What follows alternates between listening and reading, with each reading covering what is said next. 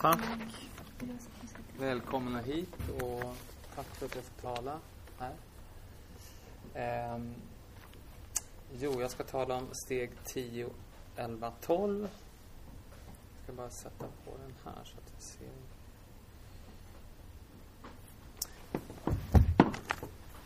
Jo, jag heter alltså Mikael och jag eh, är ett vuxet barn.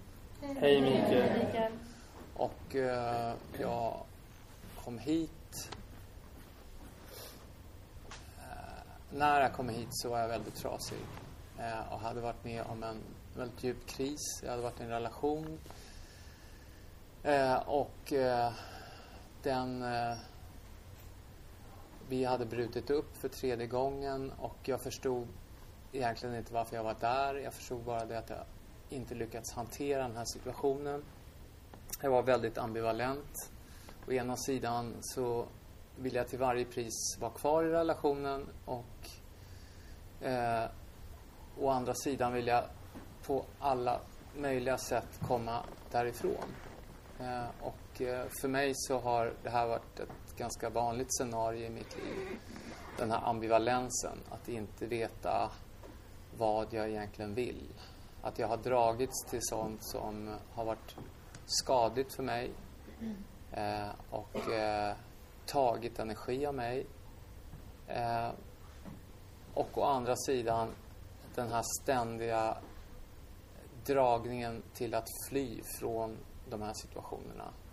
Och, och den här flykten har jag har använt alla möjliga strategier då för, för att fly. Eh, olika typer av beroenden, missbruk. Eh, Framför allt medberoende då. Uh, när jag kom till steg 10 första gången, jag har gjort stegen ett antal gånger.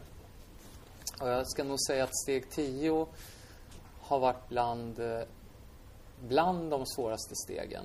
Uh, förutom 9 då. Och då menar jag att upprätthålla steg 9, att fortsätta göra gottgörelse. För som, som vi tidigare hörde så jag känner igen mig i det här att det är svårt att upprätthålla eh,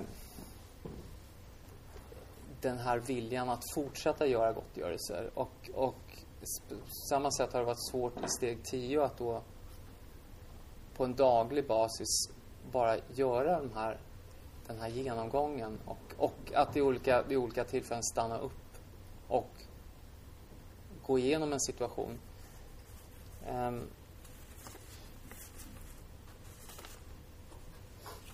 så alltså, steg 10 säger då, vi fortsatte göra en personlig inventering och när vi hade fel erkände vi det genast. Och, och då tänkte jag, betoningen här är att vi fortsatte. Det betyder, det förstod jag till slut, det betyder att du är inte tillfrisknad och eh, du kommer förmodligen få fortsätta med det här i resten av ditt liv. Eh, och det andra som jag känner det här betonar det är att eh, det är det här ordet genast. Eh, och att det här är någonting som jag ska göra dagligen. Att, att, och, och också att det finns en eh, lättnad i det här att jag behöver inte tänka för långt fram i tiden. Och jag behöver inte heller tänka på det förgångna utan jag kan ta det som är här nu. Eh, och, eh, och det hjälper mig med en annan defekt som jag har då. Det, det är en tendens att bli överväldigad av saker. Eh, och det var någonting som var väldigt vanligt när jag var som sjukast. Att gå in och bli överväldigad av saker. Eh, och både att, både att se till att jag själv gick in och blev överväldigad eller att hamna i situationer som blev för mycket på något sätt. Och på det sättet, det här, det här betonar att vikten av att gör det som kommer, ta itu med det som kommer framför dig och, du behöver, och det räcker. Det är helt okej. Okay. Eh, sen en annan sak som var viktig, det var att när jag gör en, en inventering att se balanserat på den. Att se ha balans med att se... Jag har alltid haft en tendens att se till vad jag har gjort för fel. Och här fick jag lära mig att börja titta på vad gör jag rätt? Vad fungerar faktiskt? Eh, och eh, börja titta på tacksamhet på mitt liv och vad som faktiskt händer. Um, en annan sak var att eh, jag börjar i det här steget att återta mitt ansvar, återta min kraft. För i sjukdomen så var det väldigt mycket så att jag let min kraft försvinna ut i olika saker. Jag let, jag, på något sätt så gjorde jag andra ansvariga för mitt liv. Det var deras fel. Om de bara skärpte sig, om bara det hände så skulle allt ordna sig. Men det var ju jag som let min kraft gå till olika saker. Och här i det att jag gör inventeringar så har jag fått möjligheten att ta tillbaka min kraft, att se mitt ansvar. Um, och eh, något annat som har varit väldigt viktigt är att göra det enkelt. Eh, att göra de här inventeringarna relativt enkla. Inte krångla till det för mycket. Att försöka snabbt se vad det är som händer. När jag ser vad som händer, släpp taget om det. Lämna över det till den högre kraft jag uppfattar att jag har. Sen gör jag en inventering och när jag gör inventeringen snabbt se vad, är, vad finns för underliggande intention bakom det här som händer. Eh, och efter det be om vägledning i det här. Vad ska jag göra? Och sen handla. Följ den vägledningen. Så, så jag försöker göra det så enkelt som möjligt. Och det är inte så lätt alla gånger eftersom jag, jag kan, jag har en tendens att göra saker väldigt komplicerat för mig. Men, men jag påminner mig om det. Eh, och det är bra det här steget för det påminner mig om att jag, eh, jag är bara i början på en process. Det här, det, jag har delvis förändrats men det är, en, det är en attitydförändring som är på gång och attitydförändring, en stor del av attitydförändringen handlar om att fortsätta göra det här arbetet på en daglig basis. Eh, jag ska gå över till steg 11 nu. Och i steg 11 säger då Vi sökte genom bön och meditation att förbättra vår medvetna kontakt med Gud sådan vi uppfattade Gud och ber då endast om kännedom om Guds vilja med oss och kraft att utföra den. Eh, och eh, för mig så har steg 11 utvecklat sig praktiskt på tre olika sätt. Eh, det ena är att jag har en daglig praktik där jag stillar sinnet. Eh, jag sitter ner och koncentrerar mig och i det att jag är fokuserad på någonting så kommer en stillhet successivt. Och det här har varit väldigt viktigt för mig därför att i min sjukdom, eh, i mitt sjukliga tillstånd då, så har just upphetsning varit en väldigt viktig ingrediens. Att eh, hetsa upp mig själv, stressa mig själv, skapa situationer som, som, som har varit intensiva snarare än intima.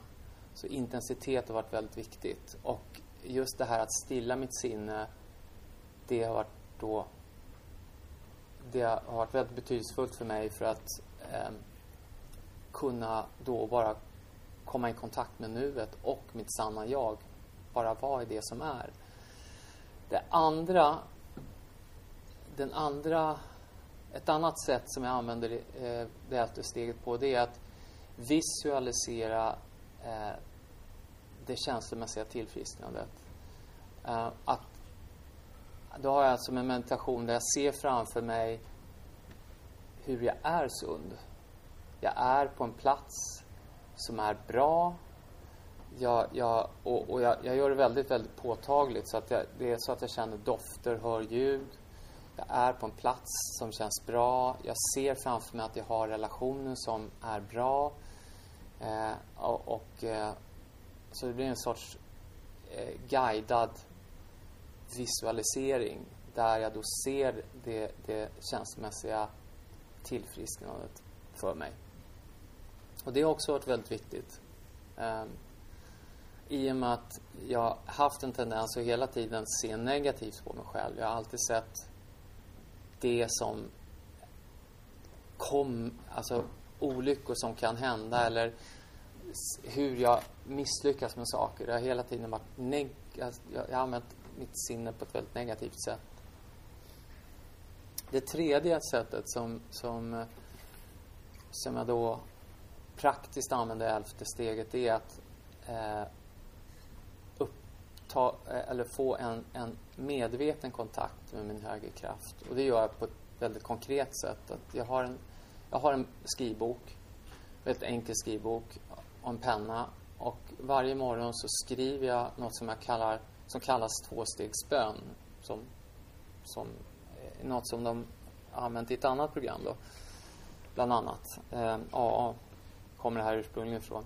Och då på morgonen så ställer jag en fråga och den frågan försöker jag då jag försöker först stilla jag mig och sen så, så, känner jag att en fråga kommer upp från mitt sanna jag. En fråga om kanske kanske säger den här situationen idag du ska träffa den här personen jag ska träffa en person och jag känner att jag egentligen är väldigt rädd. Jag vet inte vad jag ska göra. Och då skriver jag den frågan. Och sen så stillar jag mig en stund igen och sen så skriver jag då ett svar från min högre kraft. Och då börjar jag ofta med något ungefär, de börjar, börjar ofta på samma sätt. Min älskade. Och så kommer då ett svar. Eh, och det är inte alltid så att jag kan vara helt säker på att det är min högre kraft som svarar.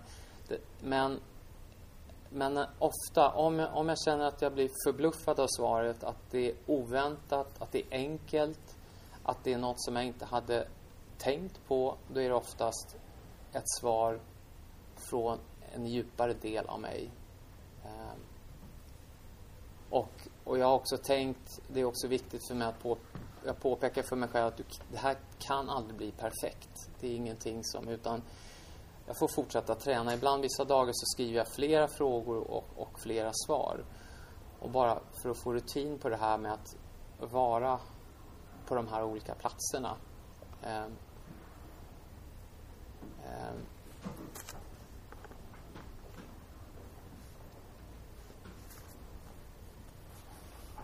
Något som också varit väldigt viktigt med det här steget det är att jag på allvar börjar, började få kontakt med min kropp. Och till stor del så har jag levt i mitt huvud, eller snarare i min fantasi. Och det har varit, eh, eftersom just det här att disassociera har varit så väldigt viktigt eh, när jag varit sjuk, att, alltså att frånkoppla mig. Så har då att fly upp i teorier och fantasier och, och eh, tankeverksamhet det har varit, det har varit enormt viktigt. Eh, och eh, i det här steget i meditation så blev det så mycket påtagligare att så mycket satt i min kropp. Och jag började på allvar få kontakt med kroppen. Och som ett resultat på senare år så har jag känt en väldig längtan att göra saker som, som där jag kommer i kontakt med kroppen på olika sätt. Sånt som är i min kropp. Senast i år så har jag börjat en kroppsbaserad meditation. Jag har börjat dansa. Eh, börjat med yoga. Eh, och, eh, och mycket har just med elfte steget att göra. Just det här att börja fördjupa min kontakt. Inte bara med min högre kraft och, och mitt sanna jag. Utan också med det med min kropp. Eh, jag ska gå över till tolfte steget.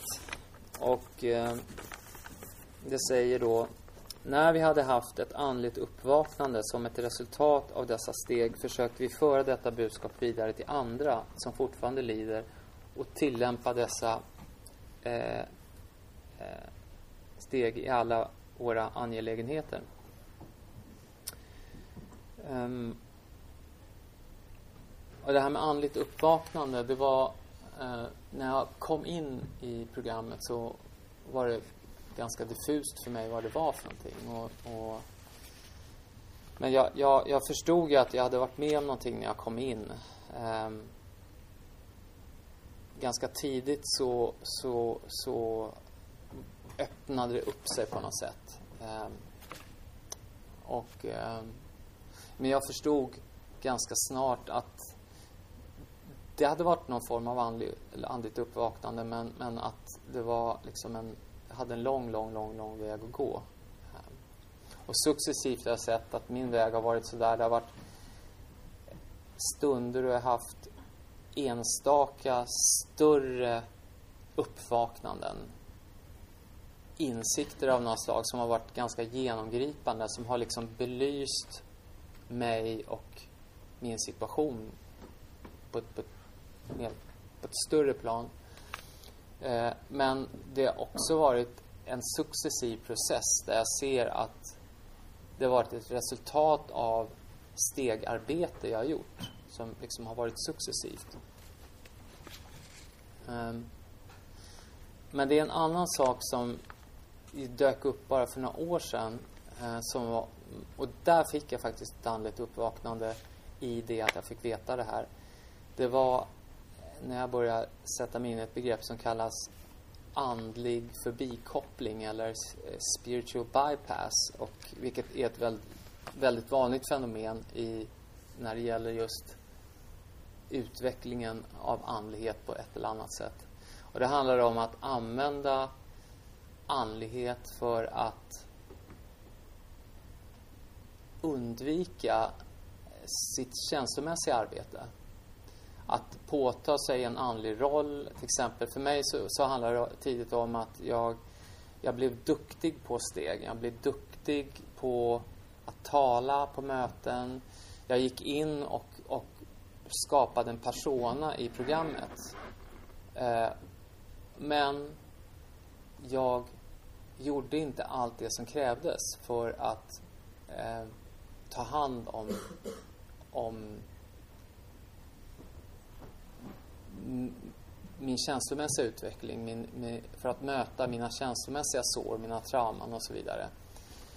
Eh, så det blev liksom en sorts, ett, ett, åter en ny sorts identitet. Så hade det varit i min sjukdom att jag gärna, jag skapade falska identiteter för att på olika sätt skydda mig mot min känslomässiga smärta. Och det blev lite samma sak i början i det här programmet. Det kom successivt.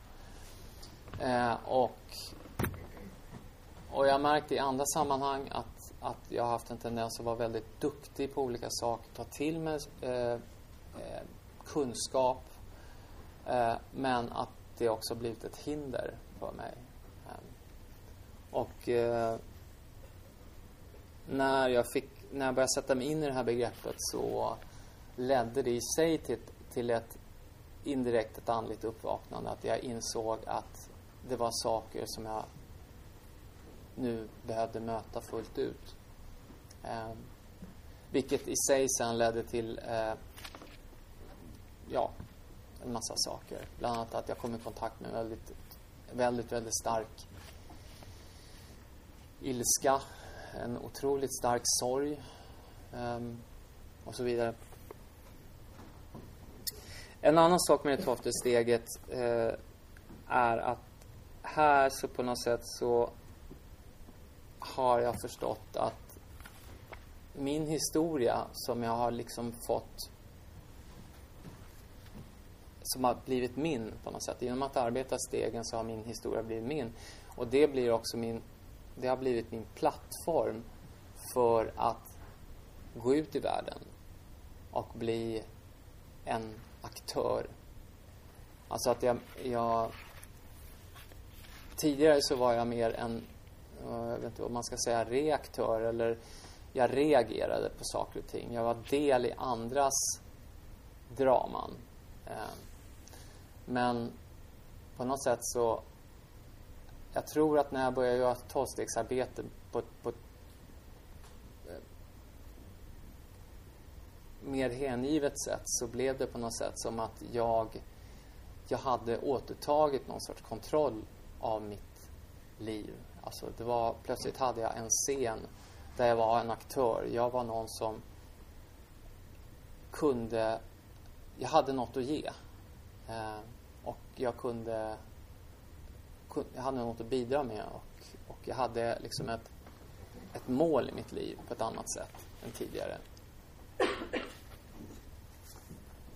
Eh, och, eh, men något som har varit väldigt viktigt för att kunna göra, för att hjälpa andra, det har varit att utveckla min kärlek till mig själv. Och det har jag inte kunnat göra själv utan genom min högre kraft så har jag fått lära mig att älska mig själv successivt.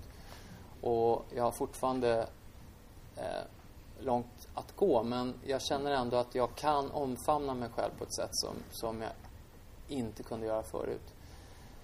Eh, och, eh, och det handlar bland annat om eh, att kunna acceptera att jag gör fel, att det är okej okay, eh,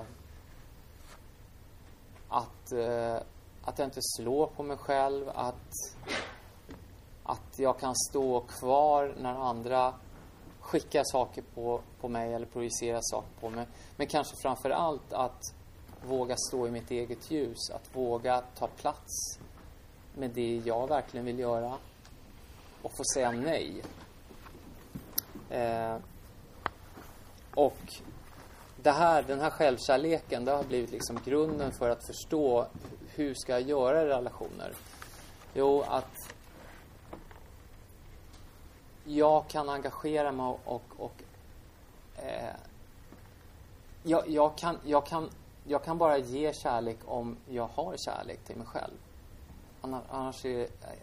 om jag inte känner att jag har kärlek till mig själv då har jag inte möjlighet att på ett, på ett, på ett sunt sätt hjälpa en annan människa.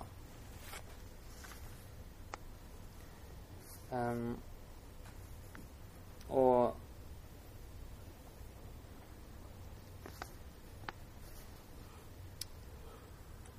i grund och botten så handlar ju steg 12 uppfattar jag om ett, ett nytt, att praktisera ett nytt sätt att leva.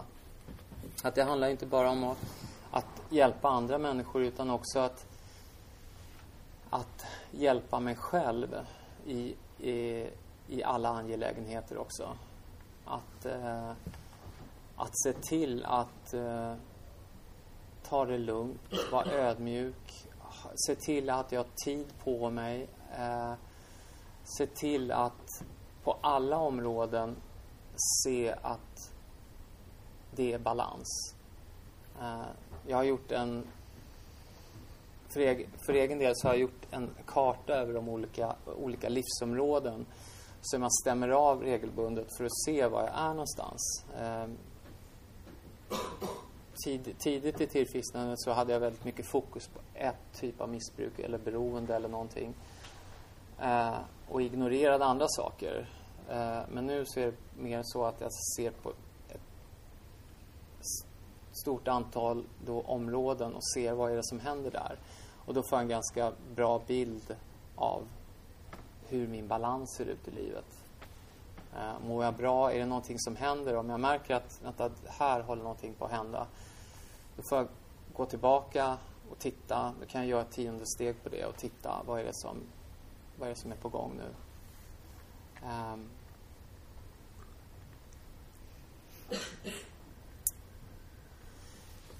ja, jag tror jag stannar där och eh, kan svara på frågor om ni har några. Tack. Tack. Tack.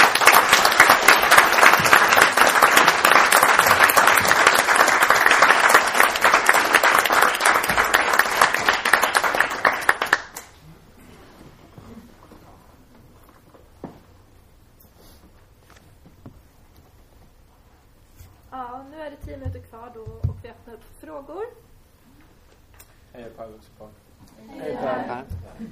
Vad har du att säga kring eh, att hur gör du för att sprida budskapet vidare?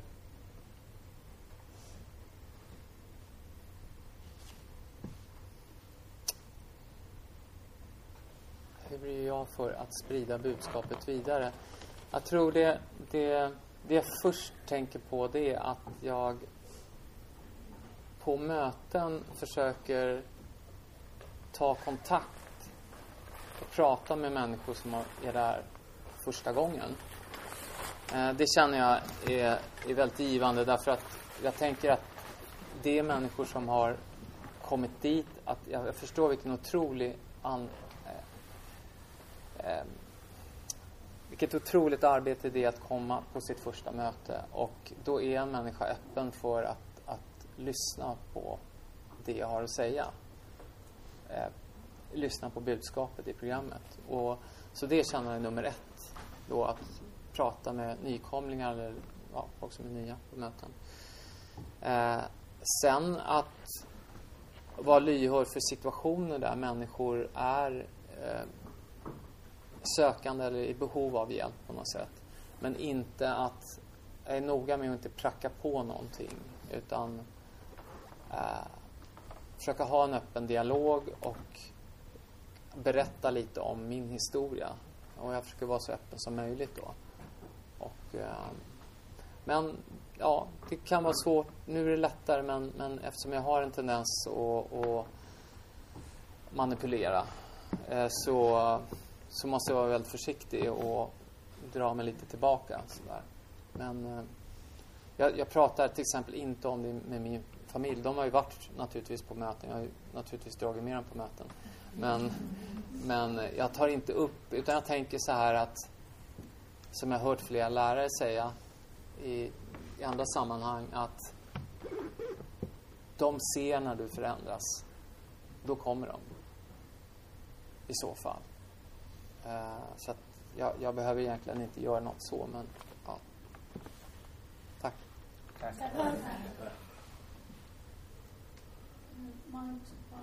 Hej Maj. Har du lust att berätta om någonting? Gör du tionde steg på kvällen? Har du någon liksom kvällsrutin för tionde implementering? Ja, jag, jag gör tionde Jag gör... Antingen gör jag då... Jag kan göra det under dagen, väldigt korta. Eh, jag gör då antingen små mentala tionde steg. Och det kan vara ibland... Eh, jag har något som kallas, kallar, kallas eh, en M&M, alltså en uh, one minute meditation. Då jag, i, i, om det är en situation som är jobbig så fryser jag. Uh, och så gör jag då en inventering. Så att det är i princip att jag bara stannar upp där jag är och så uh, försöka känna vad som har hänt i kroppen. Observera vad det är som händer.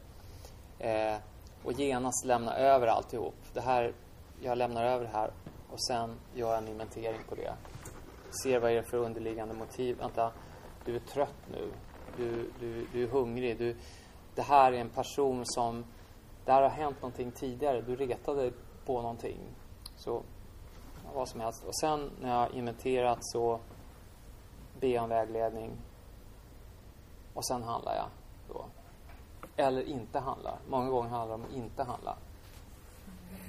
Så, men på kvällen så gör jag en mer eh, en, en skriven tionde stegsinventering. Då tittar jag under dagen, funderar på olika situationer, vad var det som hände och så. Och, och eh, nu försöker jag fokusera mer på det positiva som jag har en tendens att fokusera väldigt mycket på det negativa. Så jag försöker fokusera på det som faktiskt gick bra, vad jag kan vara tacksam för och så vidare. Och det får jag oftast mycket energi av. Tack. Tack.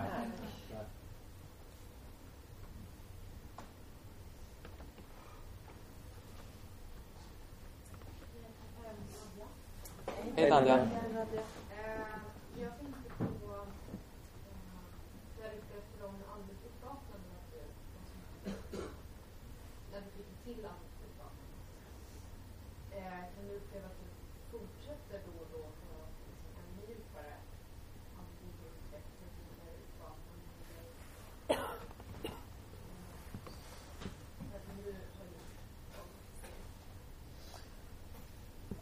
Ja, frågan var alltså om jag fortsätter ha andliga uppvaknanden. Eh, och ja, alltså jag, som jag uppfattar det så är inte det någon... Att, jag, jag trodde i början så trodde jag att eftersom det var...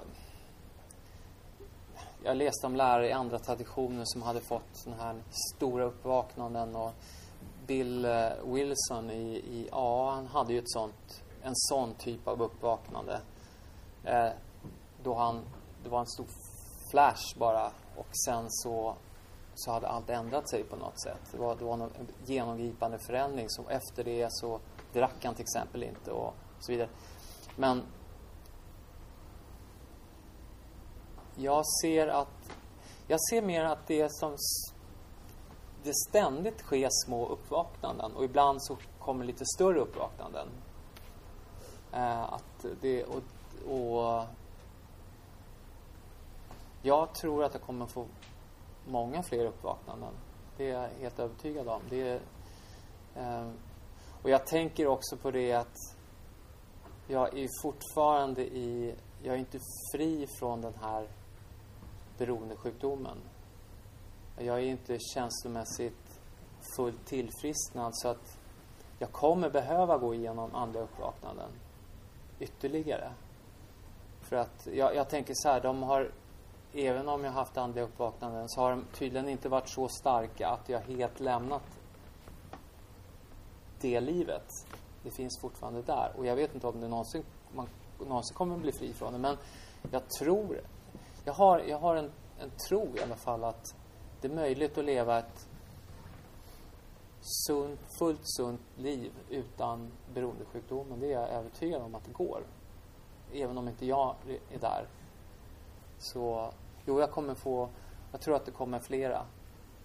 Och sen, det finns små och det finns stora. Och det är svårt att veta betydelsen av dem.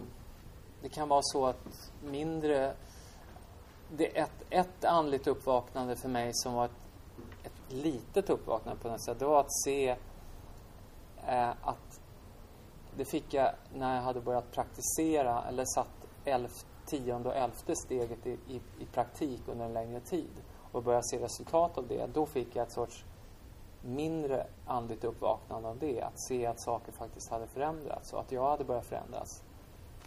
Och det var inte så stort men men effekten av att jag hade den rutinen nu har nog varit bland det mest genomgripande i mitt liv. Så jag tror att det är väldigt personligt för, för var och en vad, vad det här är för någonting. Men, ja. Tack. Tack. Tack. Hej Kasha. Jag har en fråga om den här, jag tror du kallade det för tvåstegsbönen. Eh, och du, om jag har uppfattat det rätt, jag vet inte om jag hörde allt, men eh, att det är någon fråga som kommer och sen så kommer det ett annat svar. Eh, och jag undrar om du skulle kunna liksom, eh, kanske göra det mer som exemplifiera med något. För jag tänker, är det någon, någon fråga som du liksom går runt och bär på eller är det något som dyker upp bara? Och vad det kan vara i så fall för fråga och eh, ja, lite, lite mer sådär sammanhang och exempel. Mm. Tack. Tack. Tack. Um, Frågan var då hur ser det ut med det här med tvåstegsbön? Kan, kan jag ge något mer konkret exempel på det? Um, jag hade tänkt med, ta med min bok där jag skriver, jag skriver tvåstegsbön varje dag. Så att, eh, men ofta handlar det om att eh, jag har blivit besatt av någonting. Jag, jag har blivit besatt att något ska bli på ett visst sätt. Eh, och då, det påverkar min sinnesstämning. Så till exempel att jag, det kan vara eh, jag ska inleda samarbete med den här personen och eh, jag, eh, jag, jag, jag vet inte hur jag ska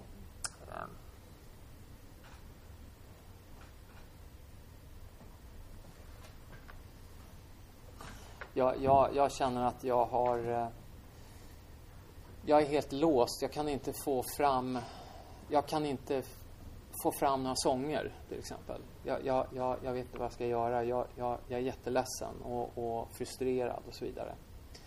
Och då har jag liksom på något sätt gått in i någon sorts... Redan där är jag låst på att det ser ut på ett visst sätt.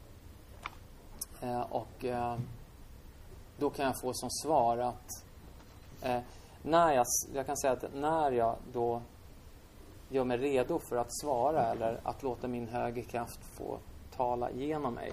Det kan verka lite kryptiskt där men det handlar mest om att när jag känner att jag är... Jag skriver ungefär som att skriva utan att tänka. Så att när, när jag då låter min högre kraft få skriva så låter jag den... Jag, jag, jag, jag är medveten om att jag är lugn. Och det finns ett lugn i mig, en kärleksfullhet, en omtanke och så vidare. Ungefär som man tänker att, man skulle, att jag skulle hjälpa någon annan. Och jag, jag försätter mig i en stämning där jag är tillgänglig för någon. Den stämningen har jag ändå när jag skriver det här svaret. Ja. Men hur formulerar du själva frågan i det här? Nej, men jag skriver bara frågan då. Eh, jag kan skriva Gud, jag, eh, jag, och då skriver jag oftast vad jag känner. Jag är, jag är frustrerad, arg, eh, rädd för att, och jag känner att jag är eh, inte jag vet inte hur, jag känner att jag har prestationsångest för att jag ska presentera sånger för den här personen. Eh, och ingenting kommer ut. Jag vet inte vad jag ska göra. Gud hjälp mig. Så kan man fråga vara. Så är det väldigt konkret. Ofta handlar det om först skriva om känslorna. Sen skriva om vad problemet är och sen be om hjälp. Ungefär. För det kan ju vara på, ibland är det, kan det vara en halv sida som jag skriver. Ibland kan det till och med vara tacksamhet. Att jag säger tack Gud för att för igår, för att det där, den där situationen löste sig eller någonting. Så att, men ofta är det då en ganska konkret fråga sådär. Och jag där beskriver min känsla eller mina känslor. Och sen svaret då. Eh, ibland så... Det här är ju en metod som, som finns rekommenderad då. Eh, och då, då är tanken att när man då, efter man har skrivit svaret så ska man då titta igenom det och eh, eh, använda en metod för att se om, för att upptäcka om, om ens själviskhet har varit med formulerat det här svaret. För det kan vara väldigt svårt ibland att veta. Eh, men som jag har kommit fram till nu så är när jag, jag känner viss när jag blir förvånad över svaret, när det var oväntat, när det är enkelt. Eh, det är vissa attribut som svaren har. Då vet jag att det här känns, det här känns rätt. Det här kommer inte från det här mitt, det här jaget som, som då är besatt och vill ha en viss sorts lösning och sen, känner sig inlåst då och så vidare. Um, gav det någon svar? Tack.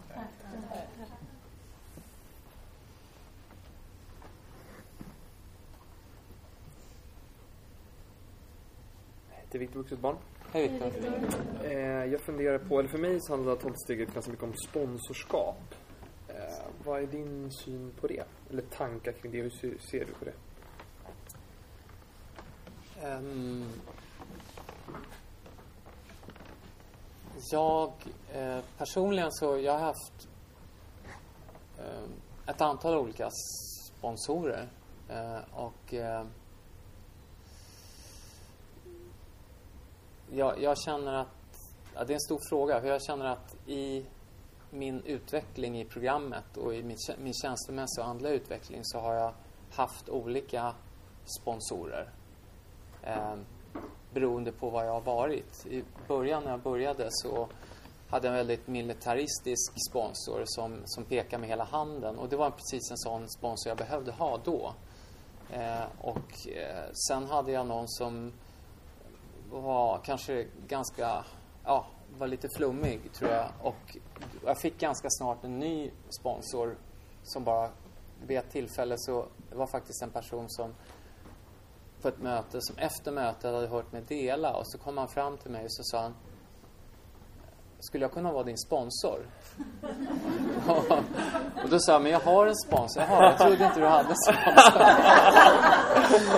så, och, då, och det var så märkligt för att eh, hans, han, han, sk- han hade en biljett tillbaka till Göteborg och han gick, han gick ett annat program då. Uh, och han sa till mig, vi kan, vi kan göra stegen i den Stora boken. Och uh, jag, jag avbokar den här biljetten. Och så stannar jag kvar hos dig. Kan jag bo hos dig? Ja, ja, ja. ja. Sen så, vi började med stegen på en gång och gjorde alla tolv stegen på en och en halv dag. Alltså vi satt upp, vi sov, jag sov typ tre timmar och sen upp och så bara fortsatte och bara göra. Eh, och det, där kan jag säga, det, där fick jag ett andligt uppvaknande. När- Men att göra dem så intensivt var liksom, efter det så, så såg saker annorlunda ut. Och jag förstod lite vad han menade också efter det. Men, eh, ja, sen tänker jag med det här med att sponsra andra, det är också känner jag, speciellt i ACA så, så medför en, en ytterligare svårighet i det att där har, jag har ju mitt medberoende och det gör det kan, i början gjorde det komplicerat i, i just den här sortens relationer. När, när jag blir engagerad känslomässigt i en annan människa och då samtidigt skulle hjälpa den här personen. Nu så eh, håller jag mig en bit ifrån. Alltså jag har en... Jag, jag berättar om mina erfarenheter och eh, jag är med. Eh, men jag, jag ger inte råd som jag höll på med förut på det sättet. Eh, och, och jag, jag kan bolla saker men jag vill inte säga vad jag tror att personen måste göra. För jag tror att det är väldigt viktigt att så har det varit för mig att jag har behövt få göra fel eller göra saker och sen få, få, då kunna få ta ansvar för det jag har gjort. Och på det sättet har jag växt. För en del av min sjukdom har ju varit det att jag har lagt, an, lagt ansvaret för mitt liv på andra och, och velat ha svaren av dem. Eh, och sen när jag, eh, vid något skede så har, har jag vänt mig mot dem. Eh, och eh, eh, för att de har blivit auktoriteter och jag, jag har liksom därför dragit mig ifrån dem. Så att det, och det, och det är väldigt viktigt i just sponsor och sponsorrelationer att, att jag känner att den personen måste göra sina upptäckter och erfarenheter själv och ta ansvar för. Även om det är jättejobbiga grejer så måste jag stå kvar i mig själv och inte överge mig själv för att gå dit och rädda någon annan. Men det, det går inte alltid så bra men det, det är min strävan. Jag stannar här. Tack. Nu är det avslutning av mötet. Eh, tack så jättemycket för ditt tal, Micke tack för er som har flera frågor.